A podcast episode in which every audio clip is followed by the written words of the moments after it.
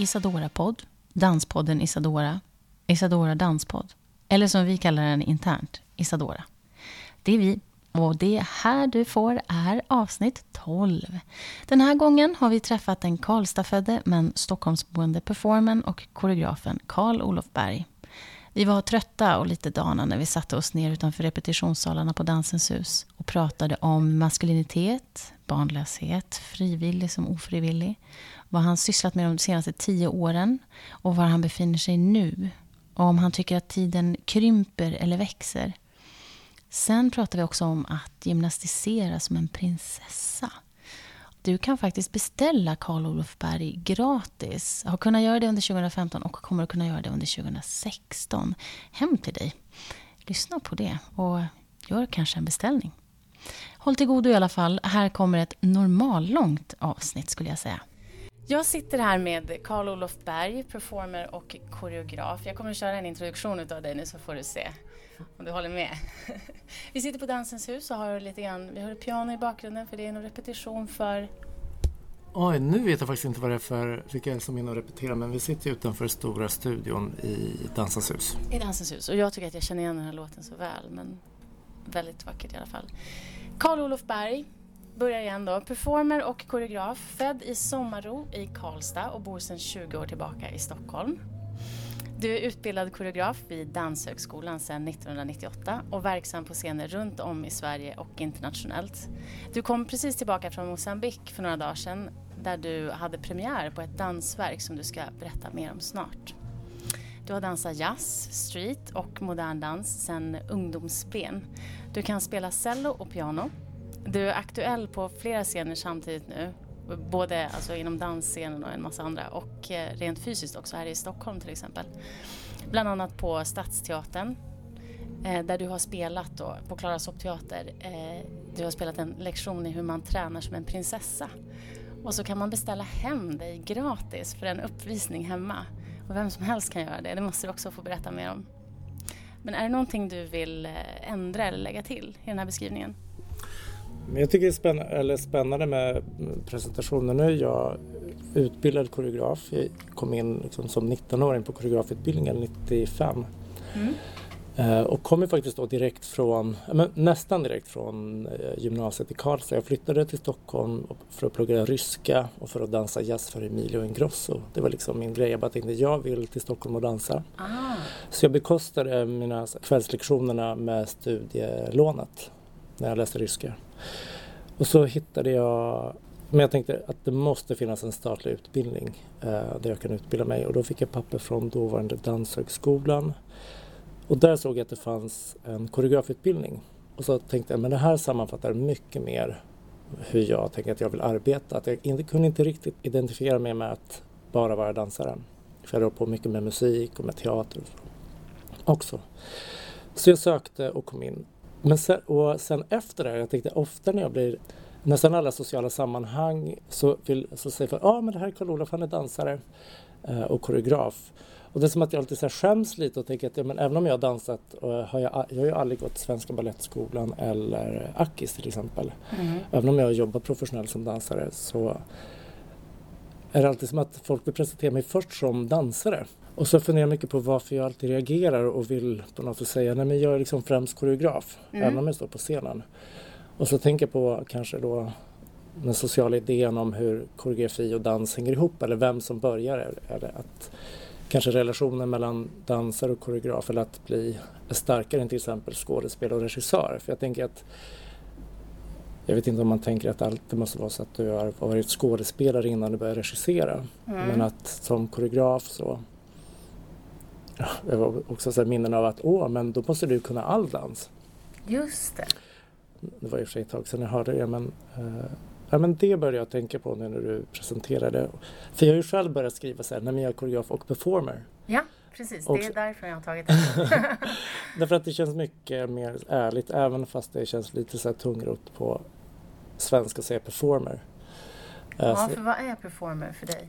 Performer för mig är ju också, mina nu har jag gått två år eh, masterutbildning på DOC. Mm.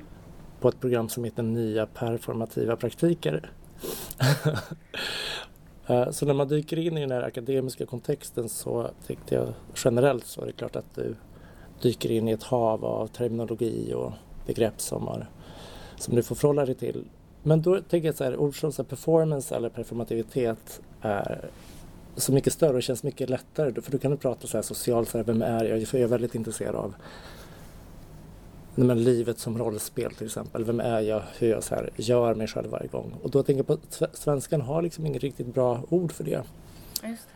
Och så här, att så här, perform eller är mm. liksom ett mycket mer enkelt sätt att beskriva det jag är intresserad av. Ja, just det. Men för precis som du säger det här, det är många dansare som har som börjar koreografera men som känner så här, men jag är inte koreograf. Eller åh, koreograf, det är svårt för mig att mm att säga att jag är, det måste man ha en utbildning för eller man måste jobba på ett visst sätt eller så. Det, det verkar som att det är ganska känsligt att röra sig mellan de här ja. olika rollerna. Ja, och så tänker jag ändå bara när, att, att det känns viktigt att säga när jag är i ett nytt sammanhang att jag vill säga, nej men jag är faktiskt koreograf. Att det finns en status, mm. alltså, så, så arbetsledarfunktionen, Just som jag det. tänker att jag också vill, vill berätta när, när jag i sammanhang som inte är konst eller kultur. Just det. Jag bara, men här är Karl Berg att jag blir presenterad som dansare. Mm. Därför att fort, jag vet inte om koreografbegreppet fortfarande, fortfarande är för luddigt för gemene man att prata om. Eller? Just det. Säger man dansare då vet man ändå att... Ja, då jobbar jag med dans. Exakt. Så nu är jag mer i att jag känns skönt att så här claima eller ta och säga, men jag är ju dansare. Mm. Jag rör mig så här. Just det. Ja. Vi kanske kan börja ändå i den här änden eftersom du är inne på, på identiteter och sådär, normer och så det här som du gör hemma hos, som man kan beställa dig mm. som är ett konstprojekt. Mm. Mm. Kan du berätta lite om det? Det är ju också mitt examensarbete från masterprogrammet. Men där mitt egentligen största behov var att hitta tillbaka eller börja om. Och det gjorde jag genom att egentligen så här ha ett tydligt lustperspektiv. Och då tänkte jag, men jag vill använda min egen kropp, min egen röst och jag vill att du ska titta på mig och lyssna på mig. Och att jag hade ett behov av att kunna se alla som jag gör eller uppträder för i ögonen. Det var så det började. Och att det var som att jag insåg att då kan jag faktiskt få in alla mina erfarenheter som är från dansen, från teatern, från musiken och från konsten. Och i och med att jag jobbade med prinsessgympan, äh, eh, spänsten med Birgitta, jag jobbade med guidade visningar och med ostämda pianon så insåg jag men det är ju hemmet som scen som jag faktiskt pratar om och kan berätta om. Så här, vilka är vi? Vilka, I vilka rum bygger jag och så här, eller, ska, eller utvecklas jag och bygger jag mig själv? Och då blev det som, det var ju också ändå i samtal med hand, handledare på skolan, insåg jag att ja, men det jag vill prova nu det är ju att göra det här hemma hos folk. Mm och gör det som en biblioteksfunktion. Mm. Också eftersom det jag gör också varit 20-30 minuter långt. Jag tycker det varit väldigt skönt så format på scenkonst. Varit lite trött på att allting måste vara en timme. Jag tycker ofta man går och ser föreställningar som är en timme långt därför att så ser formatet ut för att kunna turnera. Mm. Ofta känner jag bara, men herregud, det här hade verkligen bara kunnat vara 40 minuter. Ja. Och, att, och att det är så tydligt att, att vi har standardiserade format som vi pressar in mm. vår konst i. Mm. Och det kan ju vara bra på många sätt men jag, jag tänkte på det. Så nu har det varit skönt att göra 20-30 minuter långa saker som folk kan boka hem. Vi dricker lite kaffe och sen går jag. Ja just det, ja. för det står också du får gärna, eller bjud mig gärna på en slät kopp kaffe. Ja det är egentligen det jag ber om. Det är ja, ja, det den enda transaktionen. Ja. Därför att det är alltid gratis för dig som bokar. Men mm. för jag är alltid betalad av en institution eller ja. Så nu ska jag till Uppsala stadsteater i april i två veckor. Och då mm. är det de som bor i, i Uppsala som kan boka hem mig. Just det. Eh, och sen ska jag vidare ner till Sörmland och sen till Halland och nästa år upp norröver och förhoppningsvis ner i Europa nästa sommar. Just det. Men varför är det viktigt för dig tycker du att få ögonkontakt? Med de som tittar då? Jag tänker att jag saknar... Jag tänker att det är en berättartradition. Att jag tänker att scenen är en plats för, för berättelser eller möten kring berättelser där de som tar scenen har, liksom ta, har tagit initiativet. Och jag tänker att jag har brottats länge med så konversionerna kring vad som ska hända på varje scen. Hur vi ska förhålla oss till publiken, att det, vi kan prata om fjärde väggen. Mm. Men att jag känt att, nej men herregud, jag som publik saknar faktiskt att bli tilltalad eller att någon ser mig eller ser. Och då tänkte jag, men det är bara jag som kan börja praktisera det. Att säga, men här är vi i ett rum. Det är liksom att jag tar det i handen för att berätta någonting. Mm. Och så gör jag det, även om jag gör det med dans, musik eller ord eller förflyttar oss. Mm. Och att jag hade ett jättebehov av att komma tillbaka till mig själv eller som privatperson. Och så tänkte man jag tycker att jag känner mig mycket roligare och lite mer underfundig när jag är mig själv än när jag gör scenkonst. Men vad är det som är fel här? Jag måste nog bli lite mer mig själv. Jaha, vad spännande. Så, Var, varför, varför, känner du så? Men jag ser nog att jag har varit väldigt eh, mån om att anpassa mig. Eller jag har en del av mig som så här, språkligt är snabb på att anpassa mig och byta form eller förstå nya sammanhang. Och det positiva med det är ju att det är spännande och man kan kommunicera. Men jag känner också att jag har skapat en slags eh, eh, identitetslös varelse. Mm. Eh, mm. Och att jag eh, varit intresserad av liksom, de outtalade regler om rätt och fel som jag har anpassat mig till. Både på, i olika scensammanhang men också privat. Mm. Jag tänker att jag har försökt hitta en annan så här, tilltals tilltalsnivå i det jag gör på scenen. Mm. Och hur jag arbetar fram det. Och då, eh, och då att komma hem till folk mm. och säga hej, här är jag. Så här, ja, du bokar hem mig, du bjuder mig på en kopp kaffe. Så jag ändå påstår att ja, men med hjälp av så här, ord, musik och min egen kropp så kommer jag ta dig någonstans som du kan reflektera över. Mm. Och det har varit jätteskönt att få börja där för att sen komma tillbaka till de mer etablerade mm. scensammanhangen. Just det, för det alterneras nu. För det här är ju igång och nu så mm. Dansar du själv på, i den här föreställningen som är på Dansens hus? Ja men det kan man väl säga. Vi, eh, ja. Ska man säga, huvud, de två som dansar är Dan då och Sindri Runudde mm. som tidigare var, eh, jobbat i Skånes dansteater. Men jag har liksom gjort skapat som en prolog i föreställningen där alla i konstnärliga teamet är, är på scenen, som, där vi alla dansar som en presentation kring tematik, vilka vi är och vad det är för frågor vi ställer. kändes viktigt i den här föreställningen. Ja, just det. För även den är ju om maskulinitet. Och ja. Den heter The Man-Child Research, ja. Metamorfos. Metamorphosis är Panaibras verk. Ja, just det. Han som de jag, eller de... Det är en double bill, eller två delar ah, kväll. Så ja. Panaibras verk är före paus och mitt verk är efter paus. Efter pausen. Mm. Vad, vad, får man se då? Vad är det möter? Ja, du får både se och höra tänker jag. För jag eh, det är ändå så att det är ett intervjuprojekt. Jag gjorde det här uppdraget som jag fick från Dansens hus till att en plattform för att börja göra intervjuer med män som pratar om att inte ha barn. Mm. Barnlöshet eller barnfrihet. Det var jag nyfiken på att se. Mm.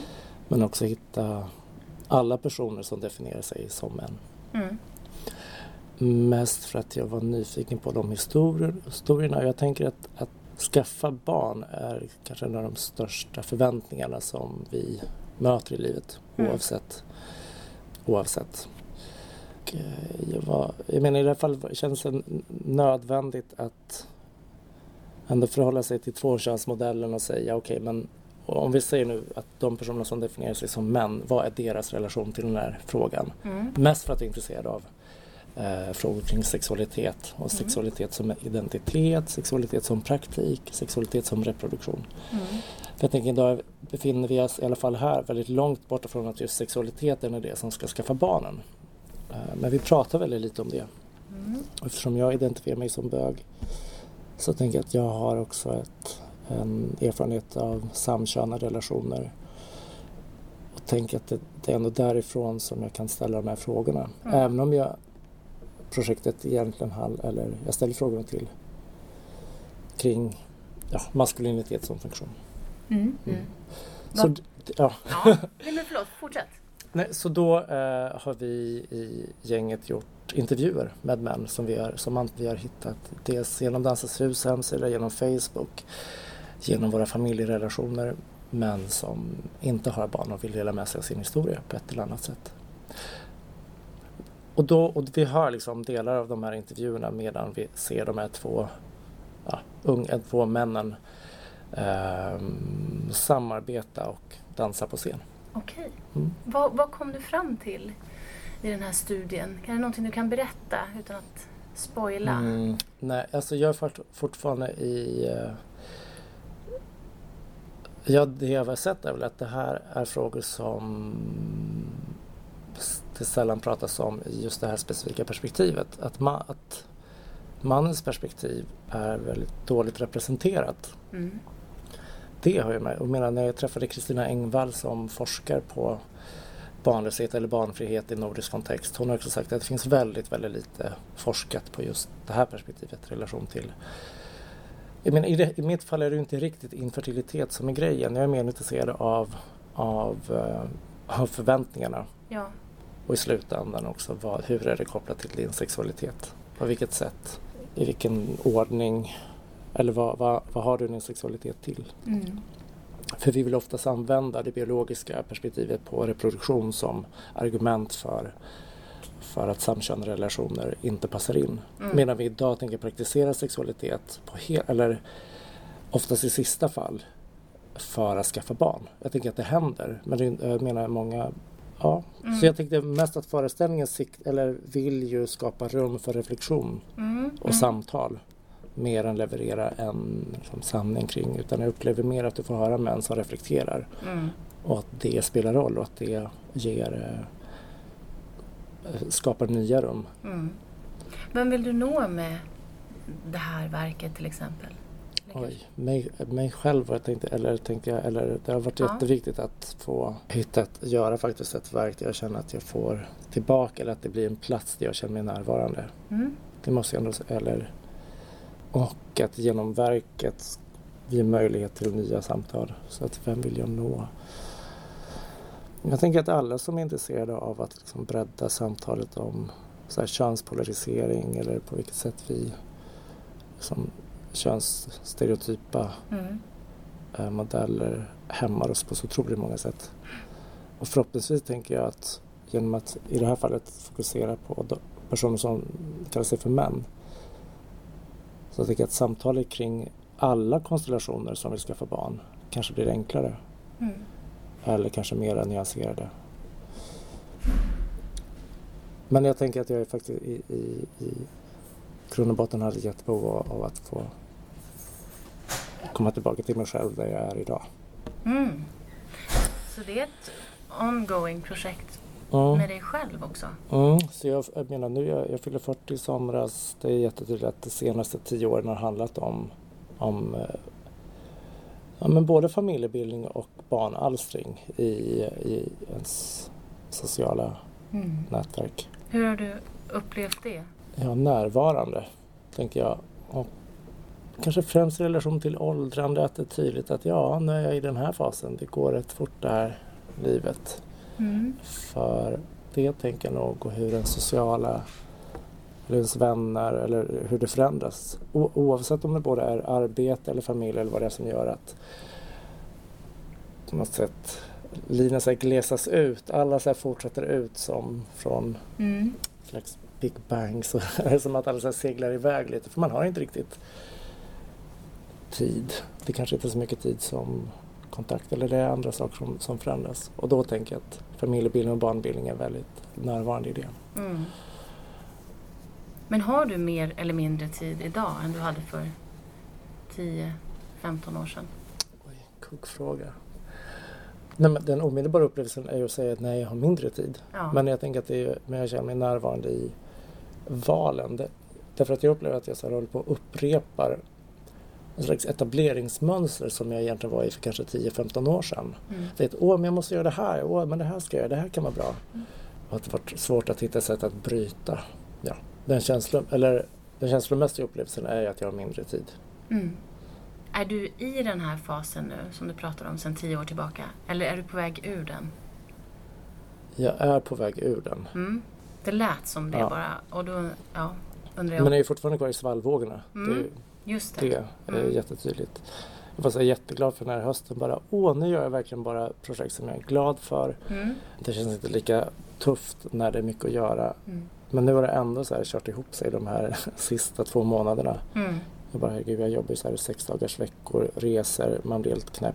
Och återhämtningen är liksom rätt tuff Mm. att få tid till. Mm.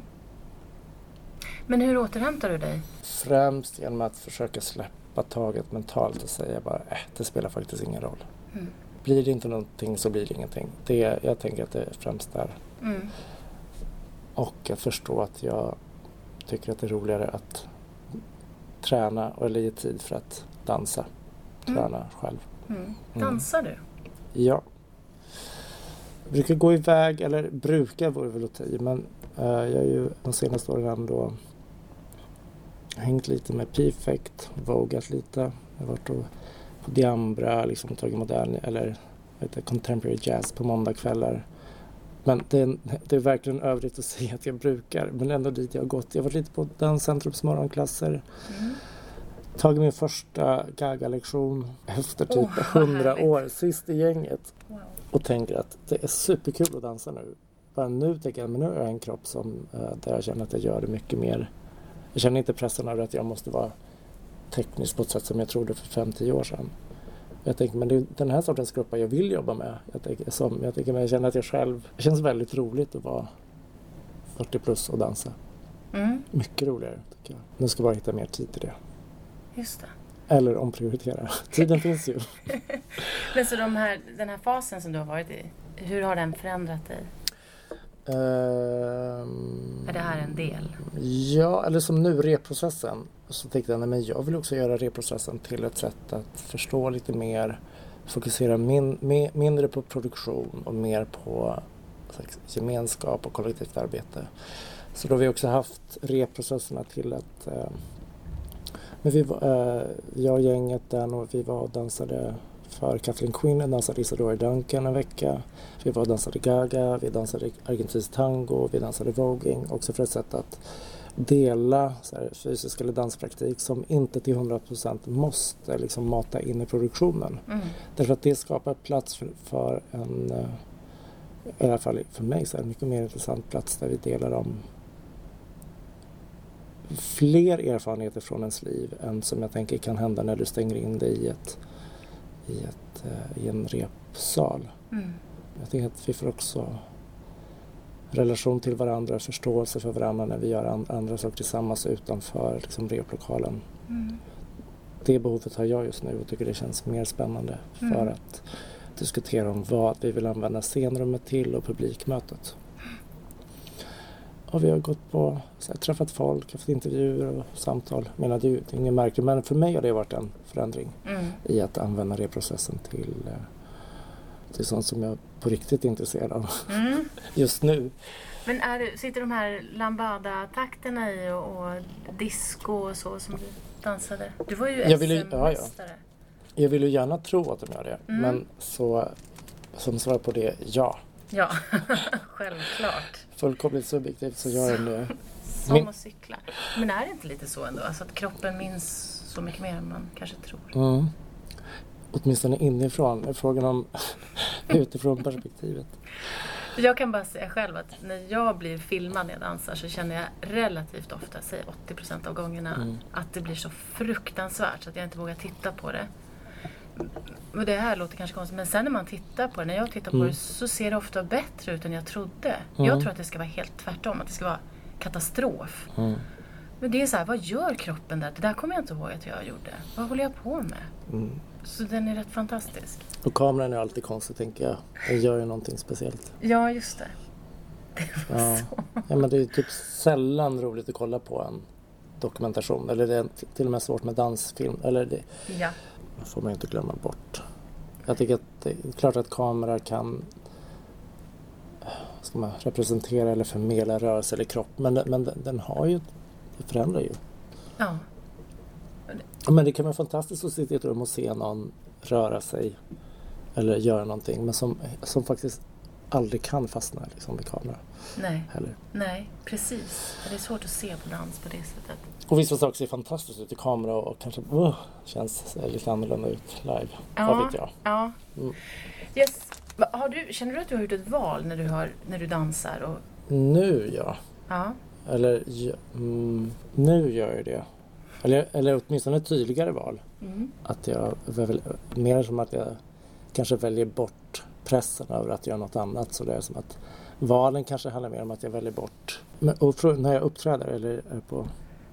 Ja, Mm. eller jag, ja, jag tänkte så här. Du kanske också, du bestämde dig för att kanske välja bort musiken. Mm, så. Du spelade cello och piano. mm, Så valde du att satsa på dans. mm. Eller gjorde du det? Eller var det så? Ja men, du, men så var det. Att Ja. jag tänkte, nej men scenen och dansen, det vill jag... Eller det är liksom dansen jag vill ska vara Just det.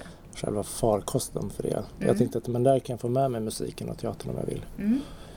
Men det känns tydligare nu att jag vågar säga men herregud min kropp kan ju faktiskt berätta allt det här. Det är Mm. som att jag tidigare inte trott att det kan det. Och jag tänkte, jag menar så länge jag är tydlig med vad jag vill berätta så är min kropp fullkomligt kapabel att vara en, en mötesplats för det. För dig som tittar. Ja, vad är det som driver dig? Undrar jag. Alltså, vad är det som har gjort att du har det här drömjobbet till exempel? Det här projektet. Drömsommarjobbet. Drömsommarjobbet, ja. Var, eller först var det väl att det var superkul att få jobb. Mm. Eller menar så väldigt. Jag tänker att jag har haft en väg där jag, det är först nu jag börjar förstå eller intressera mig för att det potentiellt politiska Mm. eller, eller det politiska i min kropp och mitt arbete Mm. eh, som eh, handlar mycket om, om sexuell identitet, HBT-perspektiv Mm. Och på så sätt också maskulinitet. Men att jag från början har varit så bara wow, det är superroligt att jobba. Jag vill prova på så mycket jag kan. Mm. Så för mig har det nog mer handlat om att jag bör för, blicka bakåt för att se ja, men vad är den röda linjen då? Mm. Och den har ju funnits där, lusten att vilja jobba med en väldigt bred variation av, av kroppar oavsett så här, ålder och form och, och erfarenhet och teknik. Liksom att det har liksom funnits där. Jag tyckte att det varit väldigt spännande att skapa dans med grupper med blandade uttryck och erfarenheter. Mm. Jag ska säga att jag ofta menar det är klart att det varit väldigt handlat mer kanske om, ålder och genreuttryck än kanske etnicitet eller funktion, funktionalitet. Mm. Men eh, och att det finns en pop va- vardaglig pop, popsammanhang som, jag, som har funnits där. Mm. Men att det är först nu som jag förstått hur att det också har eh, politiska möjligheter för att prata om, om kropp och samhälle. Men det här drömsommarjobbet, det, du kan bara berätta om det. det har, du håller på med det i 15 år. Ja, jag var borta i och för sig, men de första, det var faktiskt Drömsommarjobbet är då, bygger på att Region Värmland, eller Landstinget i Värmland som det var då, deras sommarpraktikplatser Mm. Eh, gick till, eh, till 10 eller 20 stycken unga dansare som gick i nian, ettan eller tvåan. Mm. Istället för att klippa gräsmattan eller göra andra saker så, så ville då Region Värmland att det skulle gå till, kunna gå till dansare. Mm. Idag finns det även för film och slöjd och arrangemang men då när vi började 99 då var det Marianne Eriksson som var eh, dans, läsdanskonsulent. Hon och jag var de som startade och jag var typ konstnärlig ledare för det. Mm. Eller produktions eller ledare. Mm. Så det gjorde mellan 99 och 06 och sen har jag gjort de två somrar nu igen. Mm. Och där tycker jag det är som att det möts jättemycket att ungdomar får möjlighet att prova på hur det är att jobba som dansare. För då får du, vad det, typ 6-7 tusen för att jobba heltid i fyra veckor med en koreograf och jobba fram en föreställning. Mm. Så jag tänker att idén om sommarpraktiken både så synliggör dansaryrket men det ger också möjlighet för allmänheten att se samtida dans i stadsmiljö Mm. på somrarna. Eh, Det skapar ett slags nätverk eftersom vi har också på ett sätt lite nationellt intag så får ungdomar vara i Karlstad under en månad i en universitetsstad och få en kontakt dit. Mm. Och från början så betalade faktiskt landstinget, när det var för, för länge sedan då, Mm. även lönerna för de som inte kom från Värmland som Mm. kändes väldigt progressivt. Så är det inte idag. Nej. Okej. Ja, men man tänker ju ändå att varför skulle det inte kunna vara ett sommarjobb Ja, som kommunen spons- eller Mm. finansierar? men jag ska in, eh, det sker ju igen i Karlstad i sommar igen Mm, men mm. då ska jag inte vara eh, jobba med det. Nej. Jag jobbar med ett annat projekt Som är... som då är eh, Schyssta Moves med Sofia och Karl-Olof. Jag och Sofia Wretling Just från det. Mammas nya kille. Vi gör en klassföreställning, klassrumsföreställning för niondeklassare om eh, utifrån Region Värmlands material om normkritik och normmedvetenhet som heter Schysst. Just. Så, och då är vi på min gamla högstadieskola nu och jobbar fram den. Mm. Ja, men jag ser det på din sida också. att Du har stå upp med Karl-Olof Berg. Mm. Är, är du ståuppkomiker också? Alltså det känns som att du har massor i din hatt. Ja, det, det, det tyckte väl jag med. Så vill jag göra det. Ja. Men stand-upen handlar eller jag tror också lånade uttrycket, mest för att det var som en monolog. Mm. Men som handlade om att stå upp för att våga resa sig helt enkelt. Mm. Så föreställningen handlar väl mest om rädslan för rädslan, att vi är så rädda för att vara rädda. Så att vi aldrig vågar på något sätt eh, utsätta oss för förändring. Mm. Det var väl den tesen jag ville driva. Mm. Men det, var, det är ju fem år sedan som jag gjorde den. Mm. Men det känns som att du arbetar mycket med dig själv och utifrån det så finns det hela tiden något allmän mänskligt. Och... Ja, och så tänker jag nu att det, har också börjat gå tillbaka till att det, eh, det privata är politiskt eller det personliga är politiskt. Att Mm. det är det jag kan berätta om nu. Mm. Och att en eh, liksom nyckelingång är, är också bög eller queer-perspektivet. Mm. Och att det jag kan prata om är, är min kropp och upplevelsen av den. Mm. Och jag tänker att det, att det finns många, jag tänker att det, det feministiska perspektivet är det jag tänker att drivs av många liksom koreografer. Mm. Men att det är liksom färre, färre som definierar sig som män som faktiskt driver det också parallellt eller Mm. vill, eh, som är intresserade av. Om du går och ser dans då, vad, vad väljer du för något? Vad väljer jag då? Jag tänker att jag som föreställningsbesökare faktiskt nästan till så här 50-60 procent går och ser så konst. Tycker jag är, och reser mycket, tycker att det är superhärligt. Sen går jag och ser teater och dans. Men att jag är ganska usel på att vara så konsekvent på Dansens hus eller MDT. Utan att det blir en slags blandning av teater, musik, dans och konst. Mm. Sist, eller jag tyckte det var fantastiskt att se Marie Carrasco, eh, Bartolomeo. Jag tyckte att det var, nu är det liksom flera år sedan, men jag tänkte att det var ändå något som betydde jättemycket för mig. Mm. Och st- stärkte liksom en egen ett, idé om vad jag som publik tycker om eller som utövare Mm. tycker om. Är du annorlunda Saknar. som publik än- som forskare eller vad man ska säga? Ja, eller fram till nu tänker jag. jag tänker att jag först nu faktiskt har tänkt, eller som jag också tänker att jag måste driva hårdare. Så här. Men herregud. Det är så jag skäms, men jag inser att nej, men jag måste faktiskt göra mycket mer saker som jag själv skulle vilja se på riktigt. Liksom Mm. att det finns, men de- de behöver inte alltid liksom vara, eller jag har insett att det är spännande att låta dem mötas. För jag tänker, visst det här är jag superintresserad av, men vad är formen för det? Var, var, varför ska det här möta publik? På vilket sätt kan det göra det? Mm. På vilket sätt kan jag vara ärlig mot mig själv? Kan jag ställa den här frågan och tänka okej, men det är kanske är två personer bland de här hundratals som, som fattar och tycker det är spännande. Är det det jag vill? Eller vill jag typ, typ flera hundra ska fatta? Eller ja. Mm. Mm. Och där tänker jag att, att det möts. Mina Mm. idéer om vem jag är som forskare och vem- jag är som publik. Mm. Var tycker du att det händer mest då? Alltså på vilken, vilken scen händer det mest? Vilken scen. Det är som att jag vill säga akt- aktivistscenen. Tänker jag. Mm. Mm. Och att så insikten om att göra liksom finns. Det är där den kraften finns. Jag tänker att det är, Mm. Men det är rent subjektivt som jag tänker att görandet i sig är en jätteviktig kraft. Tycker du den är viktig eller märker du att det händer saker där? För mig händer saker där. Mm. Så jag det är jättesvårt att backa ut. Men för mig händer det. Mm. Oavsett om det handlar om och då är det ju framförallt eh, den feministiska och queeraktivismen som jag märker att jag går igång på Mm. och kan relatera till. Vad händer framöver nu då? Du har gått in på det lite. Jag ska, ju fortsätta, jag ska göra hembesök hela nästa år. Det ska bli jätte, jätteroligt. Hela det. 2016? Ja, Wow! Eh, i tre olika, inte, eller i olika block. Men det är Mm. liksom Uppsala, det är Sörmland och det är Halland. Sen har jag sökt lite stipendier, hoppas kunna vara i Berlin ett tag. Men det får man som alltid svar på lite senare. Okej. Men, Vad händer i Berlin? eh, jag har sökt ett, ett vistelsestipendium. Mm. Ja, du vill och vara där där. vill jag vara ett tag. Jag Jaha. mår väldigt bra när jag är där. Okej. Mm. Vad är det som är speciellt med Berlin? Det är ett annat tempo.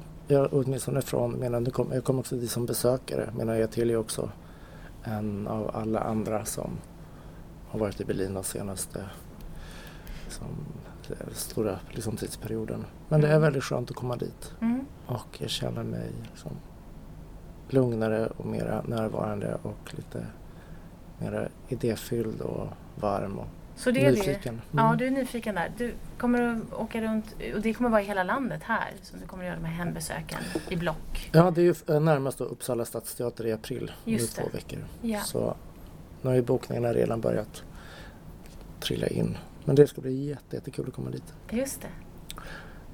Mm. Och sen vistelse i Berlin. Och så eh, klassrumsföreställningen med Sofia som Exakt. jag också kommer turnera med under hösten. Just det. Men den ska ut i, till niondeklassare i Värmland nu i, i vår. Just det. Mm. Så kommer man att se dig och ditt verk och det här andra verket också då från Mosambik, Metamorphosis. The Man-Child Research är ju min. Metamorphosis är ju precis det. Det andra ja, ja. precis. Eh, när man kommer att se det, vad, vad vill du säga om det verket? Varför ska man komma? Jag tänker att vi behöver en, eller också behöver skapa en plats för, för samarbete och tillit. Att se det på scenen. Att skapa en förhållandevis varm och avslappnad plats. Mot bakgrund av att eh, ställa frågor kring, eller existentiella frågor kring reproduktion och sexualitet och, Mm. och män. Att det finns platser för samarbete och tillit. Jag, som jag tänker är grunden i ett samhälle Mm. Och i relationer. Oavsett var i den reproduktiva cykeln du befinner dig. Härligt. Tack så mycket för din tid. Tack. Jag hoppas vi ses igen. Ja, Tack du. Så får vi tacka för ett genomlyssnat avsnitt även denna gång. Trevligt, trevligt. Det var så sjukt fint att få en inblick i Karl-Olofs skapande process. Och jag tänker att det bör bli uppföljningar både på honom och andra vi har haft i podden. Redan nu tänker jag på det. Alltså, hmm. Kom gärna med förslag i alla fall på folk som ni vill höra i podden 2016. Vi ska sätta oss ner och sätta upp ett önskeschema här i dagarna redan. Och vi som är i redaktionen, den har inte förändrats. Redaktionslistan är densamma som senast. Vi heter Niklas Reimertz och jag Anita MTN. Danspodden Isadora finns på Facebook som du vet, Twitter och Instagram.